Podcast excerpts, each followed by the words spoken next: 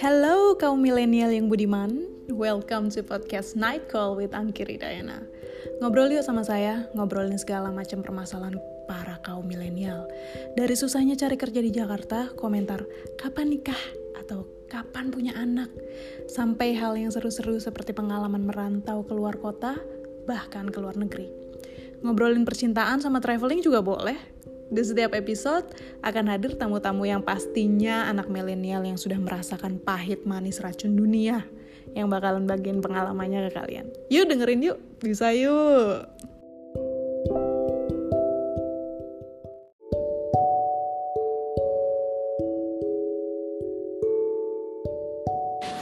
Hai guys, gimana kabarnya di PPKM hari ketiga ini? Semoga kalian tetap sehat dan produktif selama di rumah ya. By the way, hari ini saya mau ngobrol sama teman traveling hemat saya tentang kesehatan. Namanya Rika. Kebetulan profesi Rika ini adalah seorang dokter di sebuah rumah sakit di Bogor. Jadi anak ini nih yang suka jagain teman-teman deketnya kalau kita lagi sakit. Nah, sekarang justru Rika yang sedang menjalani isoman karena doi juga terpapar sama virus corona. Makanya dia sebagai tenaga medis garis depan pengen share tentang pentingnya memproteksi diri sejak dini dan meminimalisir resiko terpapar virus corona atau penyakit lainnya. Yuk, kita belajar bareng sama Rika.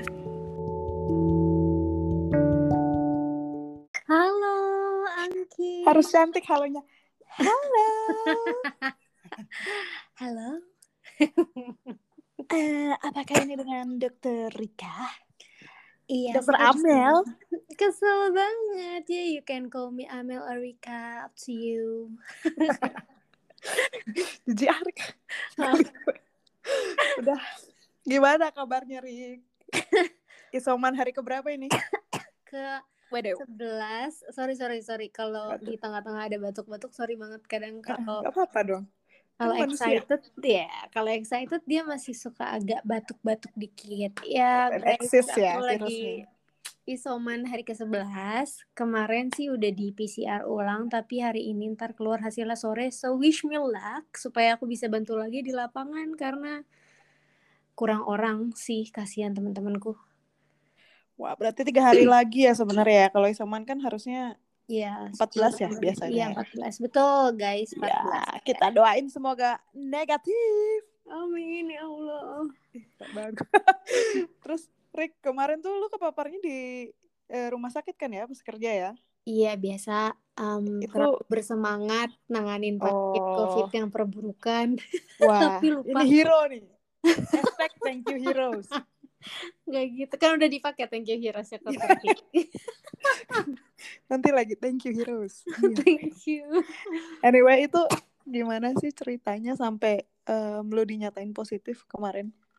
Jadi tuh um, gue jaga ma jaga apa ya pagi memang gue lupa pokoknya yang jelas itu si lima hari berturut-turut memang case-nya lagi parah banget kayak semua pasien perburukan perburukan nih kayak gitu terus jadi kerjaannya cuman malah tahu nggak sih yang kayak masang intubasi yang alat bantu nafas ya terus kayak Mhm. anti jantung kayak gitu-gitu nah itu tuh kayak I'm too, being too excited dan optimis aja kalau pasiennya bisa survive. Tapi sebenarnya sih uh, we have to handle the truth that kalau misalkan COVID udah sampai sesak nafas berat yang kayak saturasinya 50 terus Mm-mm. uh, sampai akhirnya henti jantung itu tuh sorry to say tapi no hope. Hmm, kayak kalau kita mau ngomongin soal mujizat mujizat bisa kita apa doakan ketika saturasinya masih belum nyampe ke 50-an gitu. Karena to be honest aku sih nggak pernah nemuin yang case-nya yang survive case-nya kalau saturasinya udah di bawah 60 tuh kayak belum pernah wah gitu. ngeri ya. Jadi lumayan jadi lu ini salah satu orang yang kalau ada pasien COVID langsung turun gitu ya, pakai apa baju-baju Iya, apa namanya? Astronot. Ketahuan gue pernah sekolah, Nah, pernah nonton TV. namanya hazmat sister Oh, hazmat. Iya. Kayak suku ya, sus. kayak kul-kulah surga Kalau kelas segera. iya, jadi kemarin sempet em, apa? Sempet teleponan kita ya Rick yang yang pas Mhm. belum belum ketahuan positif malah belum kayak belum kayak masih eh, meriang-meriang masih cuman meriang masih pusing-pusing cuman gitu karena emang gue anaknya jam nggak pernah kayak to be honest guys ini adalah radang tenggorokan gue Mm-mm. selama seumur hidup gue Ya, Rika tuh kalau sakit bukan minum obat, lari. lari olahraga katanya gitu. Kalau kalau dokter ditanyain kan minum obat ini enggak kalau Rika Rik gue nggak bisa tidur lari olahraga gitu biar capek gitu. Capek gak sih temenan sama gue? Enggak dong. Gak enak badan disuruhnya olahraga. Kemarin sama Ratu lagi sakit ngejim lepar gue malah anyway jangan maksudnya itu kan juga.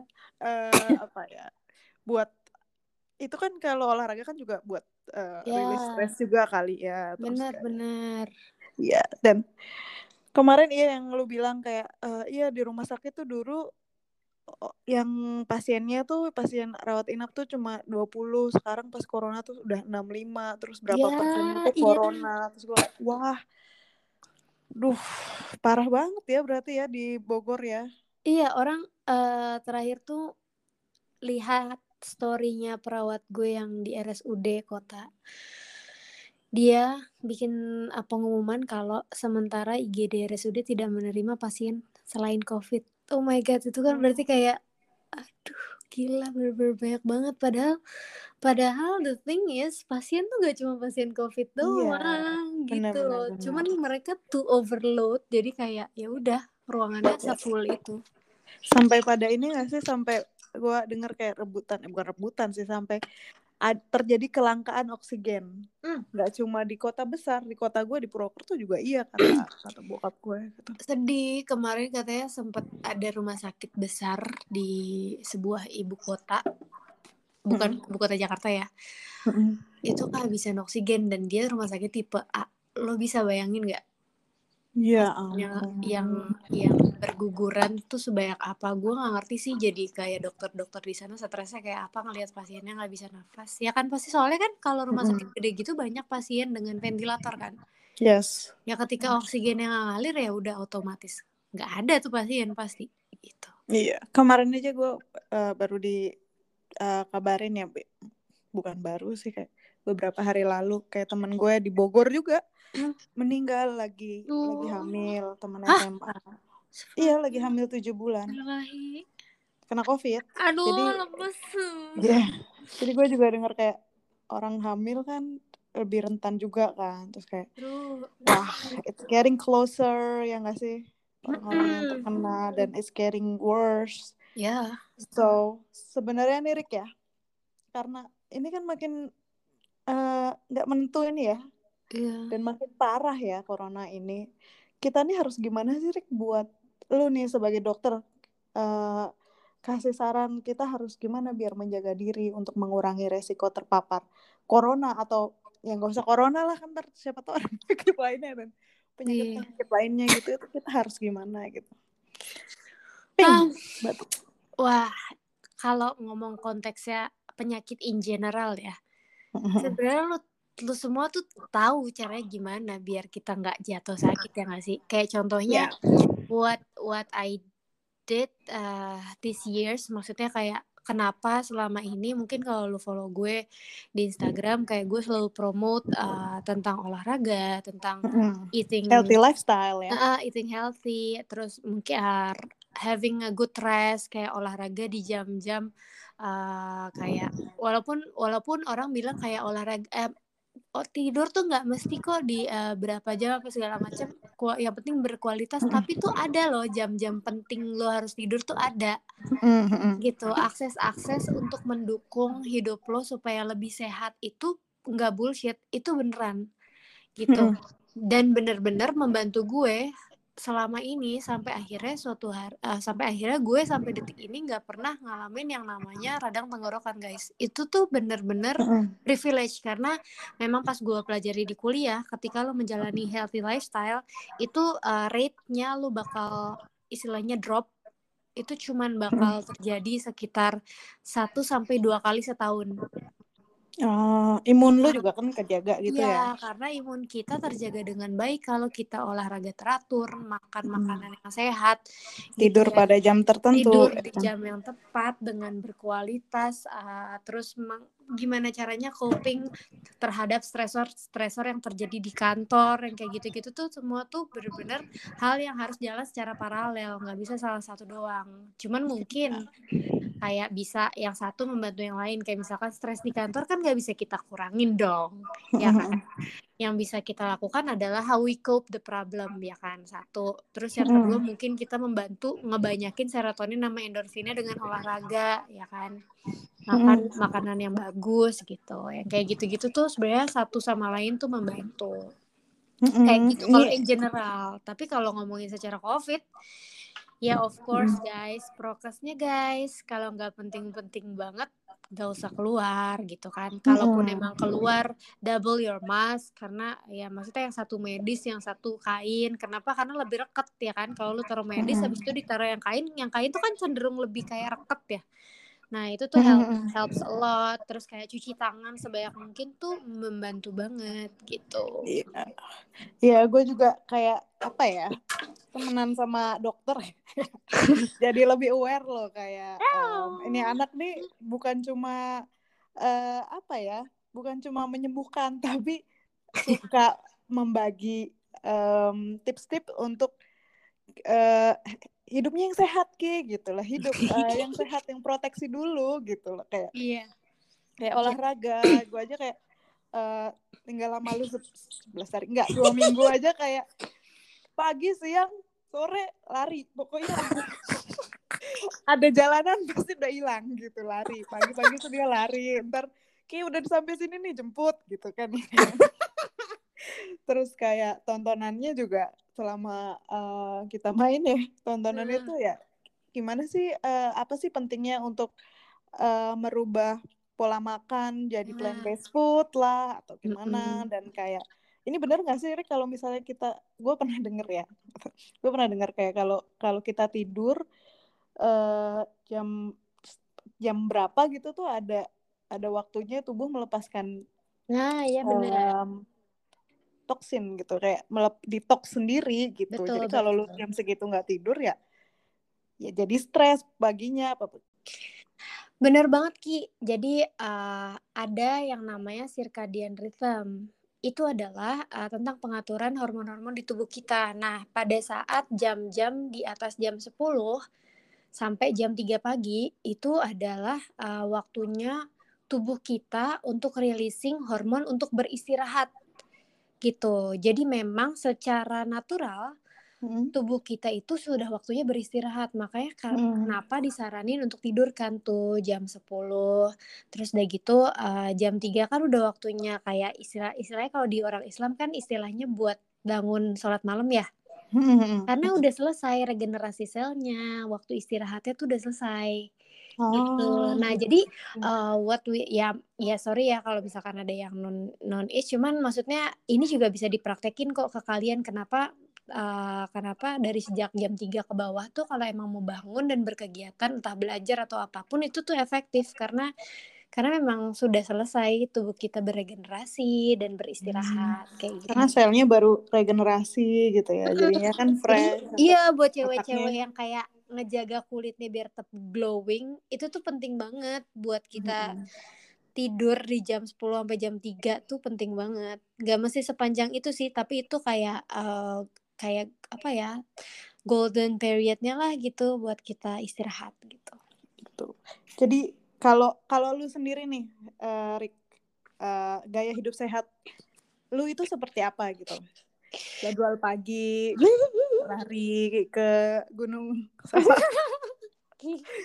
Ya kali Bunda, aku nganggur apa siapa gimana? tahu Rika ini eh, pendaki gunung loh semua gunung di Indo hampir pernah didaki Amin. Nggak ya lagi Allah. Everest ya.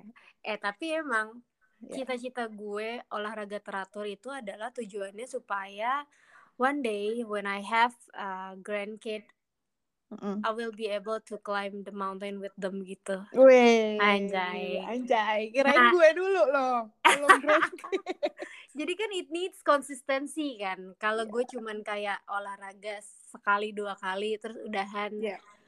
itu gue nggak akan nggak akan sehat berkepanjangan gitu. Jadi memang eh, kalau kalau ditanya soal rutinitas jam, Mm-mm. to be honest gue nggak ada rutinitas yang kayak em, tiap hari jadwalnya sama karena gue bukan bukan budak korporat yang jamnya 7 to 5 gitu. Wow.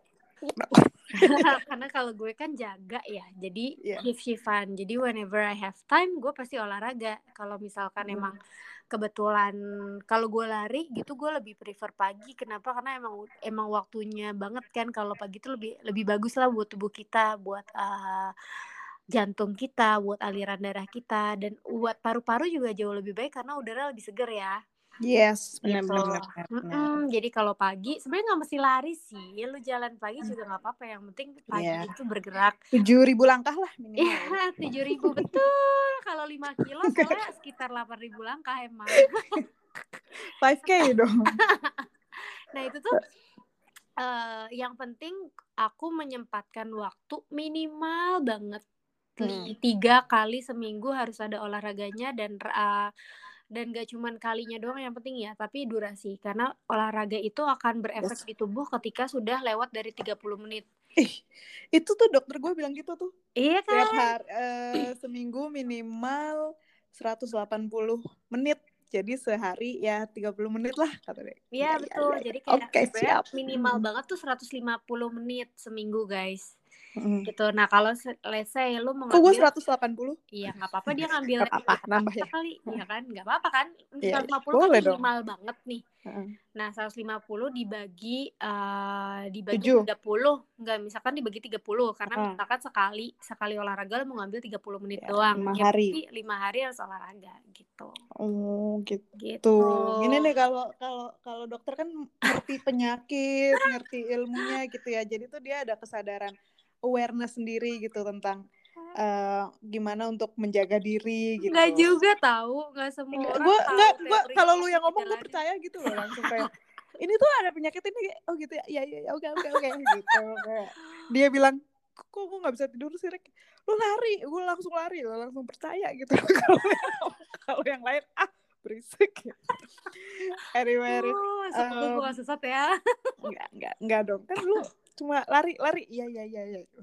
Tapi eh sekarang kan dunia makin gonjang-ganjing nih Rick Nah. maksudnya ada juga penyakit aneh-aneh gitu loh Iya, yang nggak jelas yang bahkan eh, udah menjaga gaya hidup sehat udah apa ya udah mengikuti saran-saran untuk ini nih gimana nih biar nggak nggak Mencegah kena- ya. mencegah gitu pencegahan. Tapi tuh ya tetap aja ada resikonya gitu loh untuk ter- terpapar penyakit ina inu gitu loh. Betul. jadi apa sih menurut lu nih sebagai dokter ya saran yang bisa lu kasih?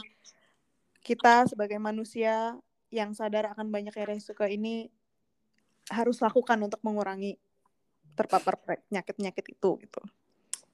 penyakit itu ada dua guys. Ada yang infeksius ada yang bukan penyakit infeksi Oh ya kirain kan. Kalau yang ses- oh, oh, sama hati. nggak gitu.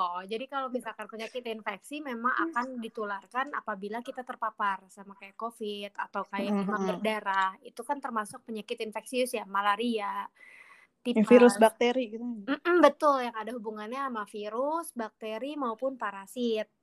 Itu bisa didapatkan dari yang ada yang via udara. Kalau virus biasanya banyaknya udara, tapi juga ada yang via makanan kayak virus hepatitis yang nyerang ke hati, penyakit Hmm. kuning. Nah, itu kan via makanan gitu kan. Makanya eh dan atau yang kayak demam berdarah kan via vektor, yaitu kan via em, nyamuk. Nah, infeksi itu macam-macam banget bentuknya. Tapi kalau yang non infected itu yang lebih menurut gue lebih ngeri karena dia tuh silent killer. Oh, Oke. Kenapa? Karena kalau kalau lu terkena infeksi 2 3 hari juga muncul gejalanya. ya kan jadi kayak tuh, lu langsung lu, tubuh lu langsung bereaksi terhadap sesuatu yang nggak seharusnya ada di tubuh sehingga lo kayak dikirim sinyal men lo lagi diserang demam nih, gitu ya iya men lo lagi diserang gitu dalam bentuk demam dan lain sebagainya gitu kan tapi kalau misalkan yang yang lebih ngeri buat gue di luar covid ya adalah uh, non infectious disease atau yang kita sebut dengan penyakit kronis. Kenapa dia silent killer? Karena ketika belum parah lo nggak akan ngerasa apa pun di tubuh lo. Gitu. Contoh ya contoh. Salah satu penyakit yang paling uh, uh, yang paling silent killer banget bertahap dari dikit-dikit menjadi bukit itu adalah sakit gula. Gula ya, ya. atau kita sebut dengan diabetes mellitus ya ketika itu genetika lagi ya nah ya nah ngomongin soal penyakit tidak infeksi ini se sebenarnya uh, ada ada kaitannya juga sama turunan, tapi bisa juga nggak ada hubungannya sama turunan. Kenapa? Hmm. Soalnya kalau kita ngomongin soal uh, penyakit yang tidak uh, yang ini ya penyakit kronis ini, sebenarnya ada kayak empat concern uh, penyakit terbesar yang kematiannya paling tinggi. What? Itu tuh jantung, cancer, stroke, dan gagal ginjal. So far selama ini yang gue temuin di IGD tuh yang paling banyak empat kasus itu banyak banget mm. case-nya dan ternyata memang secara data di WHO-nya memang kematian karena empat penyakit tersebut tuh di 2018 tuh udah nyampe di angka 79 persen kayak 8 dari 10 orang meninggal karena karena empat penyakit tersebut gitu salah satunya itu kan maksudnya menurut gue kayak angka yang nggak boleh kita hiraukan gak sih Ki Iya, ya itu udah tinggi banget itu hampir 100%, 20 iya. 21% lagi ya kan. Iya, kayak istilahnya nih kalau kita hidup sebelum mm -hmm. kita meninggal, kita bakal ngalamin salah satu di antaranya itulah. Mm -hmm. Sebelum kita akhirnya menutup mata. Cuman kapan kejadiannya itu kan tergantung. Tergantung yes. dari apa? Satu mungkin pola makan, pola hidup. Ya, satu faktor genetik, dua faktor uh, prevensi kita, lifestyle kita hmm gitu karena walaupun secara genetik dia berpengaruh terhadap resiko kita terjadi penyakit itu mm-hmm. tapi tetap yang lebih besar pengaruhnya tetap lifestyle karena ada yep. aja yang kayak enggak kok nyokap gue sama bokap gue nggak ada penyakit apa-apa tapi kok gue bisa kena cancer ya? Itu bisa aja. Ha-ha. dan kayak um, ngeri aja gitu. Dan sekarang kan deteksi jauh lebih baik ya kayak seiring dengan bertambahnya kemajuan zaman sehingga kita bisa mengakses ya kan. Kalau yep. mengakses uh, kesehatan maksudnya mengakses rumah sakit dan lain sebagainya. Kalau zaman dulu kan ya udah meninggal meninggal aja nggak tahu kalau hmm. sakitnya itu apa. Yep. ya kan? Kalau sekarang kan ketika lo sakit lo pasti dibawa ke rumah sakit sehingga lo tahu sebenarnya lo mening kalau akhir ujung-ujungnya meninggal meninggalnya karena apa tuh kita tahu. Hmm. harus dicari tahu banget betul. kayak temen gue cerita temennya meninggal di di Jerman. Lagi mandi. Hah? lagi mandi doang lagi mandi. Terus habis itu uh, sama rumah sakit Jermannya tuh dicari tahu sampai ini apa nih gitu ternyata ada TB kelewat oh my god gitu. masih muda masih 21 oh, oh. Tapi, ya ampun 21 tahun meninggal karena TB bingung gak lo iya kan makanya kayak menurut gue sih kayak apalagi hidup di zaman sekarang ya kayak um, awareness bukan hanya cuma awareness tentang pola hidup sehat dan makanan sehat kita aja sekarang makanannya uh, kayak gini kan maksudnya iya. minyak yeah.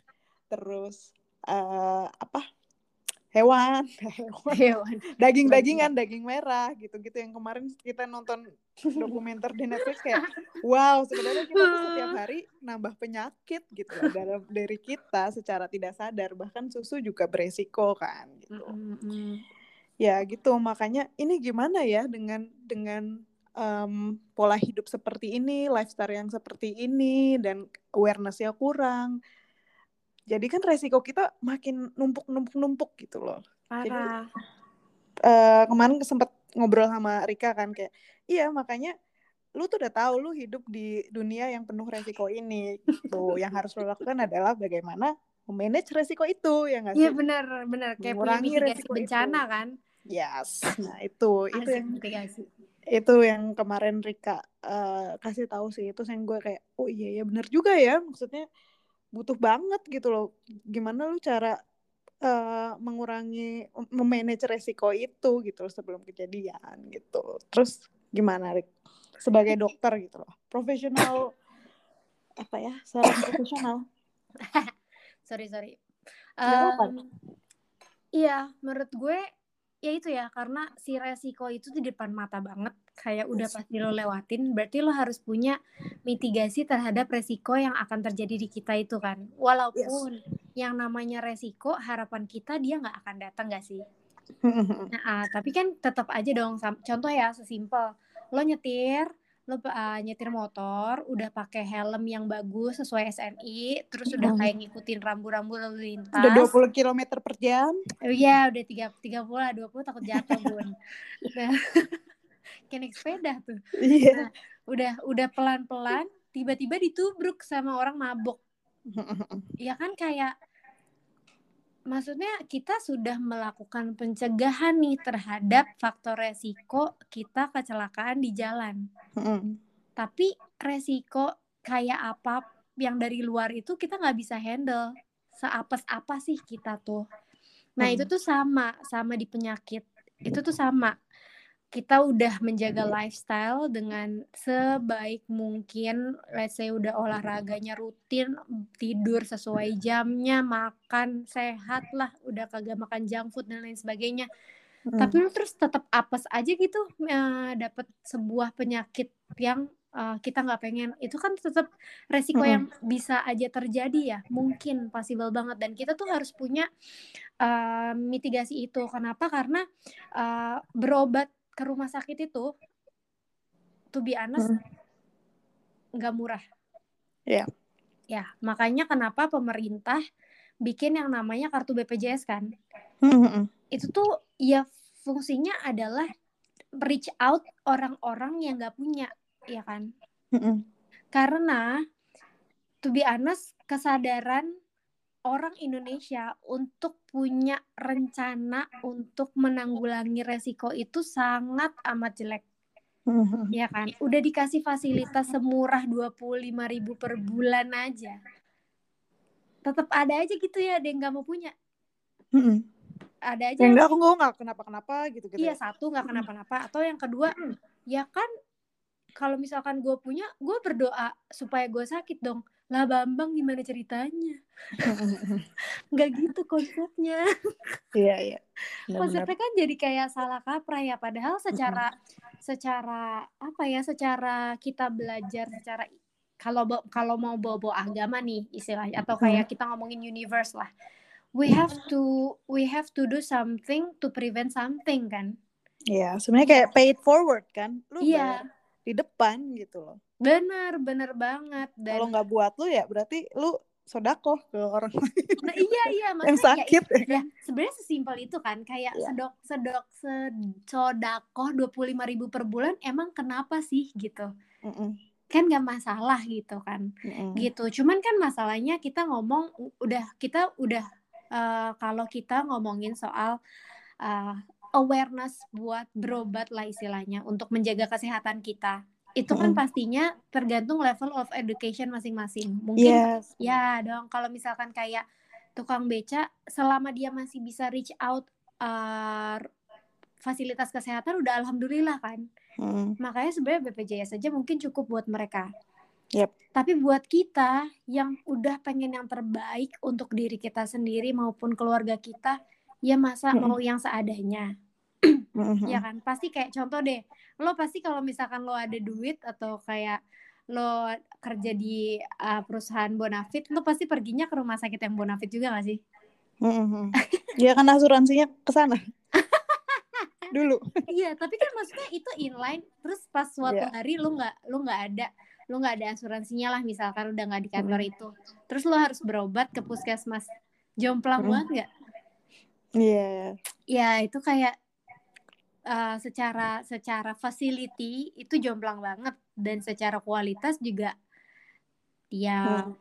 mau nggak mau juga jomplang kan gitu kan. Kalau mm -hmm. puskesmas cuma bisa ketemu dokter umum nih. Kalau lo ke rumah sakit lo bisa ketemu sampai spesialis lah gitu kan, let's say mm -hmm. ya kan. Ya, karena gue juga inget kan waktu itu lo bilang kayak um, ini nih gue uh, kalau misalnya lu sakit tuh ya ki lu kalau pergi ke rumah sakit ini gitu um, rumah sakit sesuatu ini lu akan dikas dicari tahu gitu loh uh, penyebab lu tuh eh penyebab sakit lu tuh apa sampai ketemu gitu sampai diagnosanya tuh sampai mendalam gitu. Kalau misalnya um, rumah sakit biasa itu biasanya ya nggak segitunya. Dan gue juga pun pernah punya pengalaman sih Rick waktu itu gue hmm. kecelakaan di um, mana di Cirebon ya oh yang itu, dulu ya Iya yang 2011 hmm. itu tuh gue dimasukin ke rumah sakit terdekat gitu dan yeah. itu iya. satu kamar uh, kan gue udah nggak bisa ngapa-ngapain ya satu kamar itu delapan ya?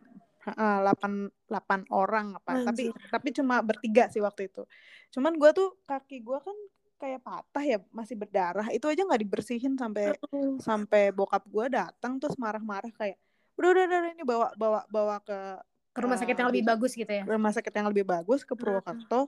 terus ya waktu itu kan ya langsung ke VIP langsung dokternya spesialis kan terus hmm. diperiksa hari itu juga dibilang besok kamu harus operasi ya ini kakinya patah gitu ah, jadi itu sedih banget tiga hari dianggurin iya jadi dok enggak dokternya datang tapi ini nggak apa-apa ini iya apa maksudnya tiga gitu. hari nggak ada tindakan tuh kan namanya dianggurin ya nggak ada tindakan terus uh, kaki gue tuh udah kelihatan bengkak terus oh. darahnya masih ada gue sampai ini kok darahnya nggak dibersihin gitu ya maksudnya masih keluar gitu terus kayak tuh kan bokap gue marah-marah kan kayak kan emang bener-bener ya gitu anak gue ini kakinya udah patah gak dia apain gitu aduh maaf kok gue ketawa.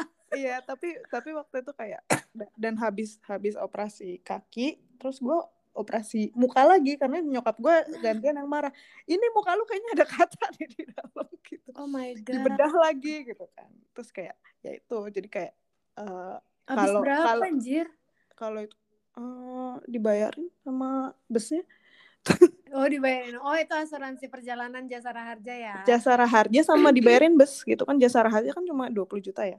Iya. Terus kayak bokap gue kan nggak terima kan kayak eh, ini sampai sembuh dong gitu. Terus iya, kayak ya itu terus kan itu langsung bokap gue kayak ini spesialis tulang, spesialis bedah gitu gitu kayak ya ya ya ya ya gue juga jadi merasa kayak ya kalau ini emang dianggurin sih kayak oh, sedih tidak ya, kita di... belum kenal iya. soalnya gue ngomel iya soalnya kayak bener maksudnya uh, ya punten ya hmm. tapi ke mana lo berobat itu memang menentukan fasi uh, fasilitas dan kualitas uh, penanganannya gitu hmm. gitu jadi memang penting banget buat kita untuk tahu sebenarnya di dekat kita tuh ada rumah sakit apa yang terbaik ya kan?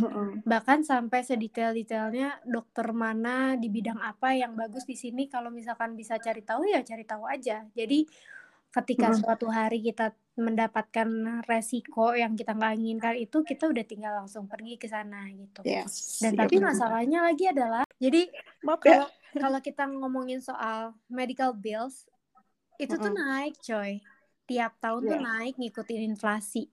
Yes. Sama kayak gaji kita sih. Kalau hmm. misalkan karyawan emang naik sih. Cuman ternyata kalau dilihat-lihat kenaikan gaji karyawan sama kenaikan gaji eh salah kenaikan gaji karyawan sama kenaikan inflasi harga-harga di pasaran tuh nggak sebanding. Hmm. gitu. Jadi ketika lo udah tahu nih masalah kesehatan bukanlah masalah yang uh, harus kita hiraukan tapi harus kita perhatikan ya memang sudah seharusnya lo menggunakan platform yang baik. Lo harus punya proteksi yang baik buat kesehatan lo. Bahkan sekarang kan di di lapangan kalau kita ngomongin soal proteksi atau uh, atau let's say misalkan insurance itu kan bahkan yang bisa kita raih tuh nggak cuman terkait kesehatannya doang kan. Bahkan financially tuh bisa protected well Yes. Iya, tapi mungkin emang ada hubungannya sama kesehatan. Cuman kan hmm. bukannya that's what we need gak sih? Yep. Uh -uh, kayak kenapa penting nyari proteksi yang nggak ada limit dalam limit misalkan? Hmm. Karena pada pada kenyataannya di lapangan, pada saat gue menangani pasien, terus misalkan gue pengajuan kan karena mungkin butuh uh, transfusi atau kayak pemeriksaan lab yang lumayan mahal, radiologi mm -hmm. lumayan mahal, terus pas diajuin nggak ACC, kan gue bingung loh bukannya pakai asuransi ya pasien gue kok nggak ACC sih gitu. Terus pas ditanya iya soalnya udah nyampe limit dok kata asuransinya. Terus gimana pasiennya mampu nggak bayar? Aduh pasiennya nggak mampu. Terus jalan keluarnya apa gitu loh gitu makanya kayak kadang-kadang tuh gue sedih kalau misalkan pasien-pasien gue dia engage ke asuransi yang ada limit dalam limitnya itu tuh ujung-ujungnya boncos tetap boncos jadi kayak dia engage terhadap sesuatu mm -hmm. yang nggak kuat yeah. yang ujung-ujungnya yeah. tetap bayar sendiri kalau punya iya yeah. bahkan kayak lu ngomong tadi radiologi aja kemarin gue sempat nganterin temen ya nganterin oh iya, iya. MRI ya kemarin ya temen si Erik ya, ya itu gue kayak gue jadi belajar gitu kan. Kayak gue anterin nih pertama ke um, rumah sakit uh, publik ya. Hmm. uh, itu tuh kayak ya ini harganya 3,5 gitu. Tapi lu harus nunggu sampai uh, dua minggu lagi karena oh, jadwalnya, jadwalnya ya? penuh gitu kan. Jadwalnya penuh. Terus gue kayak ya tapi ini agak emergency sih karena dia udah sakit banget kan gitu iya nggak bisa kata dia gitu oke terus kita cari lagi yang lain uh, apalagi dia WNA kan oh oke okay, oke okay. cari yang lain uh, ini harganya 5,5 gitu hmm. tapi tiga hari lagi okay. apa gimana gitu. Terus ada yang uh, yang saat itu juga harganya berapa? 8,9 apa gimana? Terus gue kayak ya ampun MRI doang gitu ya. Uh, iya. Semahal itu ternyata gitu.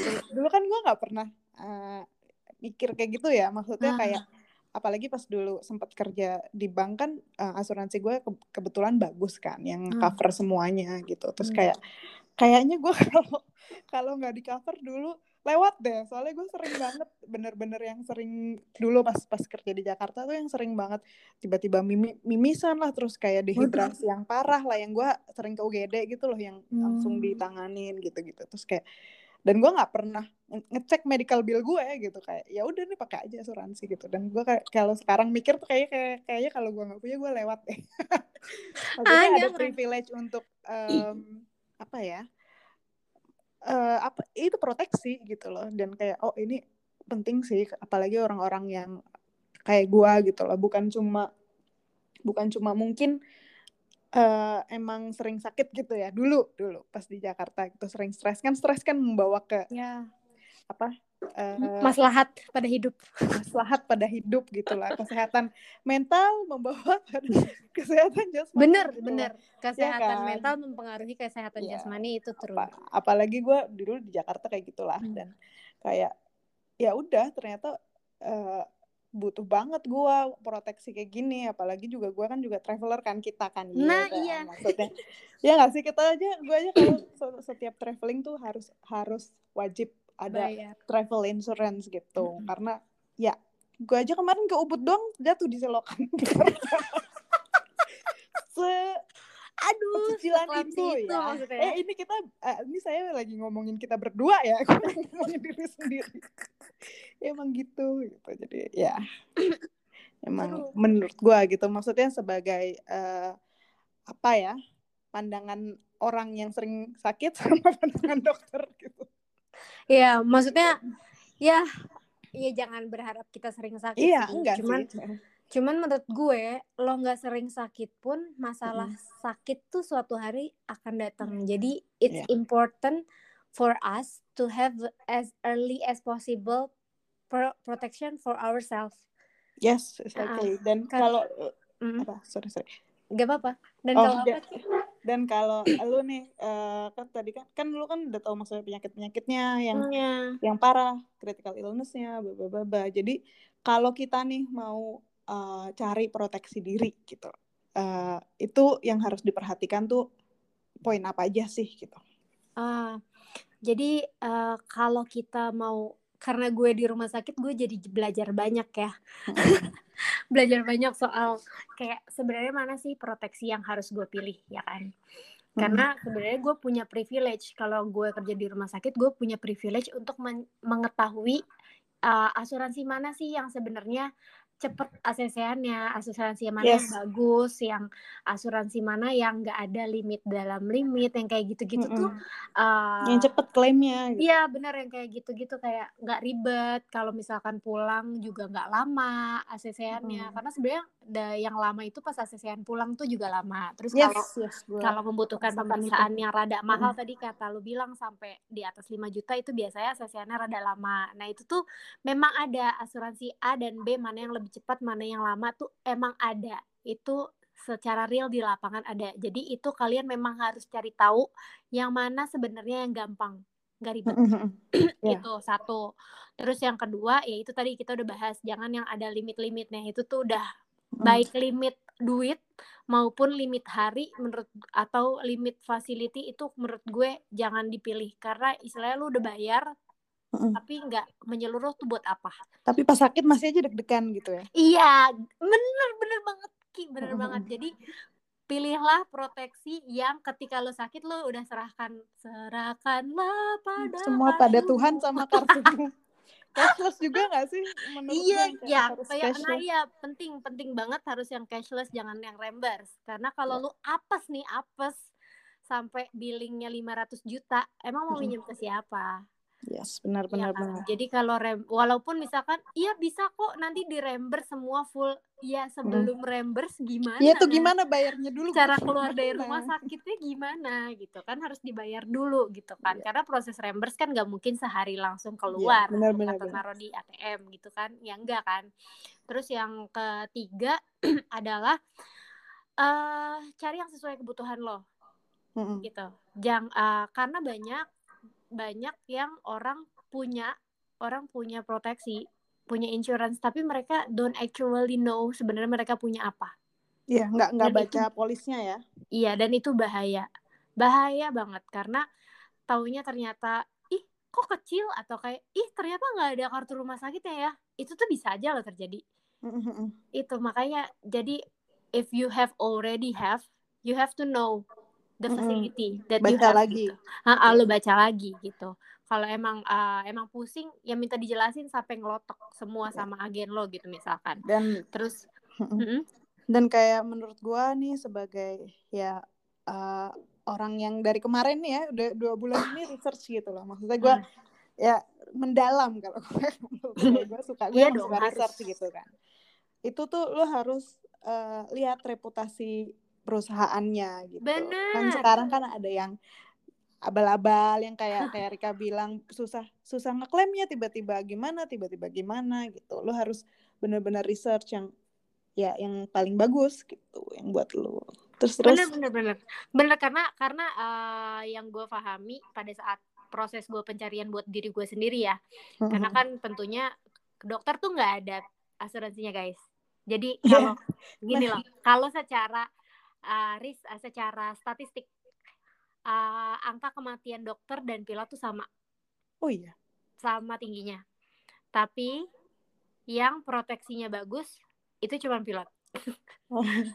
untuk pada saat itu. Sama orang BPJS dokter cuma dikasih apa? BPJS doang. Gitu. Oh, gitu. Bagusan Jadi kayak- dulu rada sedih kan guys. Makanya Iya. gue memang harus jadi uh, being a doctor is being um, apa namanya apa apa sih namanya Eh itu loh.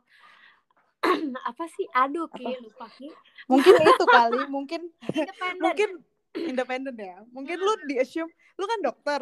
Lu tau lah gimana ini obatnya apa gitu nggak gitu Padahal kan juga nggak gitu kan. juga gitu. Gue tetap ada resiko kecelakaan dan lain sebagainya. Dan ketika Iya. ya lu bayangin deh kalau lu pakai BPJS nih lu kecelakaan. Terus lu harus Hmm. ngurus surat polisi biar uangnya keluar. Ribet banget gak hidup lo? Gue lagi kecelakaan coy. Apalagi gue jomblo coy. Gak ada yang ngurusin buat gue.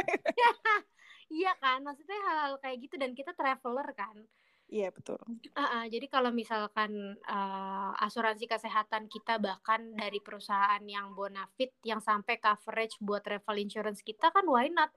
yes Gue nggak mesti Benar-benar. beli-beli lagi men gitu. Kalau gue jalan-jalan.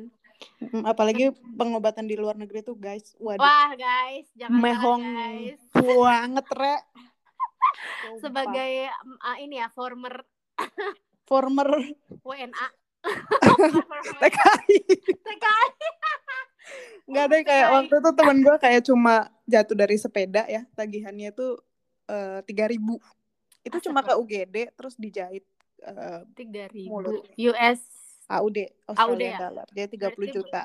Oh belum TW ya udah eh, sebagai eh, tenaga medis dan dokter apa saran lu untuk orang yang dengar podcast ini terkait proteksi diri tadi tadi kan kita udah bahas tentang apanya eh apa hidup pola hidup sehat untuk Betul. mengurangi resiko dan kita Mhm. juga udah bahas tentang eh, critical illness yang mungkin kita dat- dapatkan secara Mhm. genetik ataupun eh, dari pola hidup dan pola makan Mm-mm. terus pentingnya uh, manajemen resiko dengan uh, punya insurance gitu.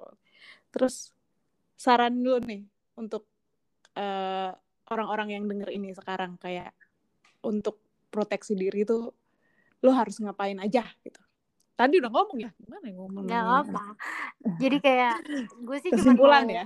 Ah, jadi cuman mau uh, cuman mau kalian mikir aja kayak selama ini kita kerja kumpulin duit buat financial goals kita nggak sih Yes, Ya. exactly.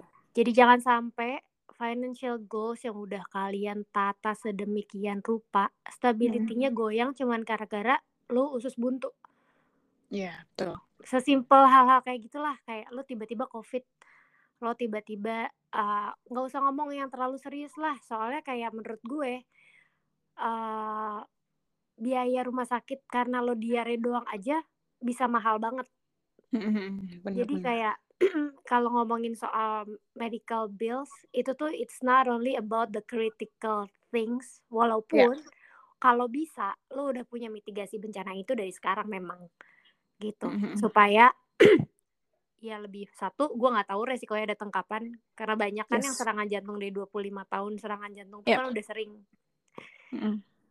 jadi satu mikirin soal gue nggak tahu resiko datangnya kapan dua Mm-mm. kalau misalkan lu wise wise enough uh, untuk mikirin stability ekonomi lo ya kalau dari sekarang kan jauh lebih murah gitu aja gak sih Iya. gitu dan jangan forward ya kan. Iya, kalau kalau itu kan kalau itu kan kayak gitu. Kalau gue sih belajarnya kayak gitu kemarin dan yang lebih penting lagi adalah jangan asal submit.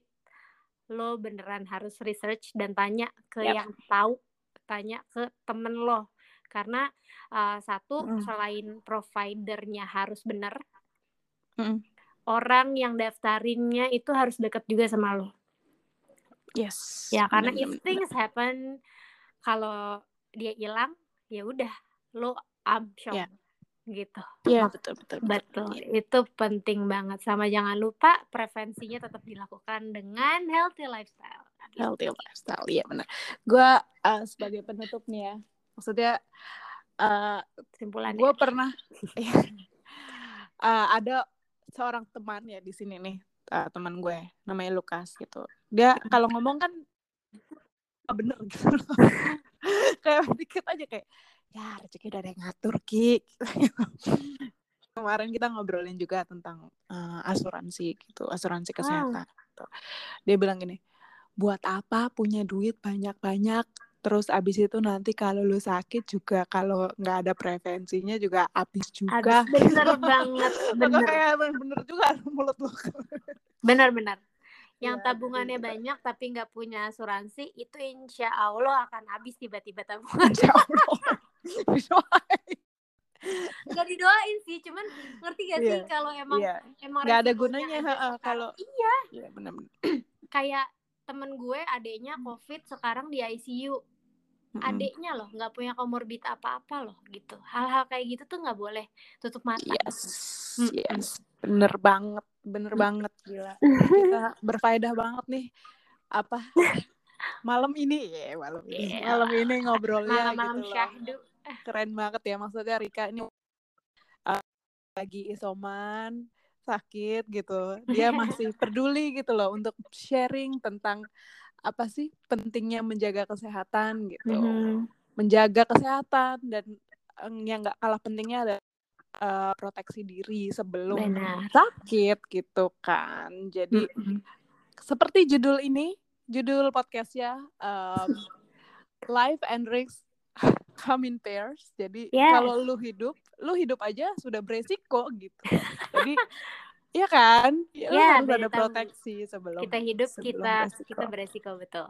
Jadi Mm-mm. jangan lupa untuk selalu uh, mengat- meng- membuat hidup kita uh, jauh lebih safety aja. Iya, benar. Mm-mm. Jangan lupa untuk eh, memanage risiko-risiko hidup itu dan membuat hidup kita lebih safety. Iya. Bye, Dokter Amelia. Amelia. Amelina ya, salah nama ya kan? Kurang N ini tadi udah gua itu.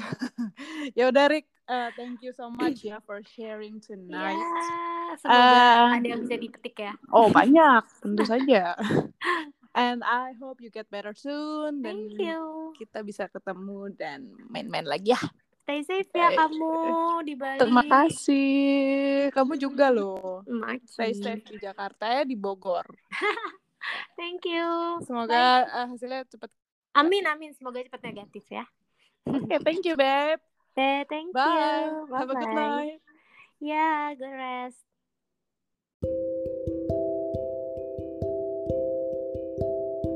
Berfaedah banget ya conversation saya dengan Rika tadi.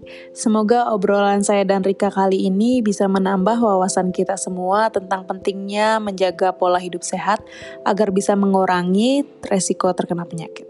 Bukan cuma menjaga pola hidup sehat untuk mengurangi resiko yang harus kita lakuin, ternyata kita juga harus belajar untuk memanage resiko-resiko itu dengan cara memproteksi diri sejak dini.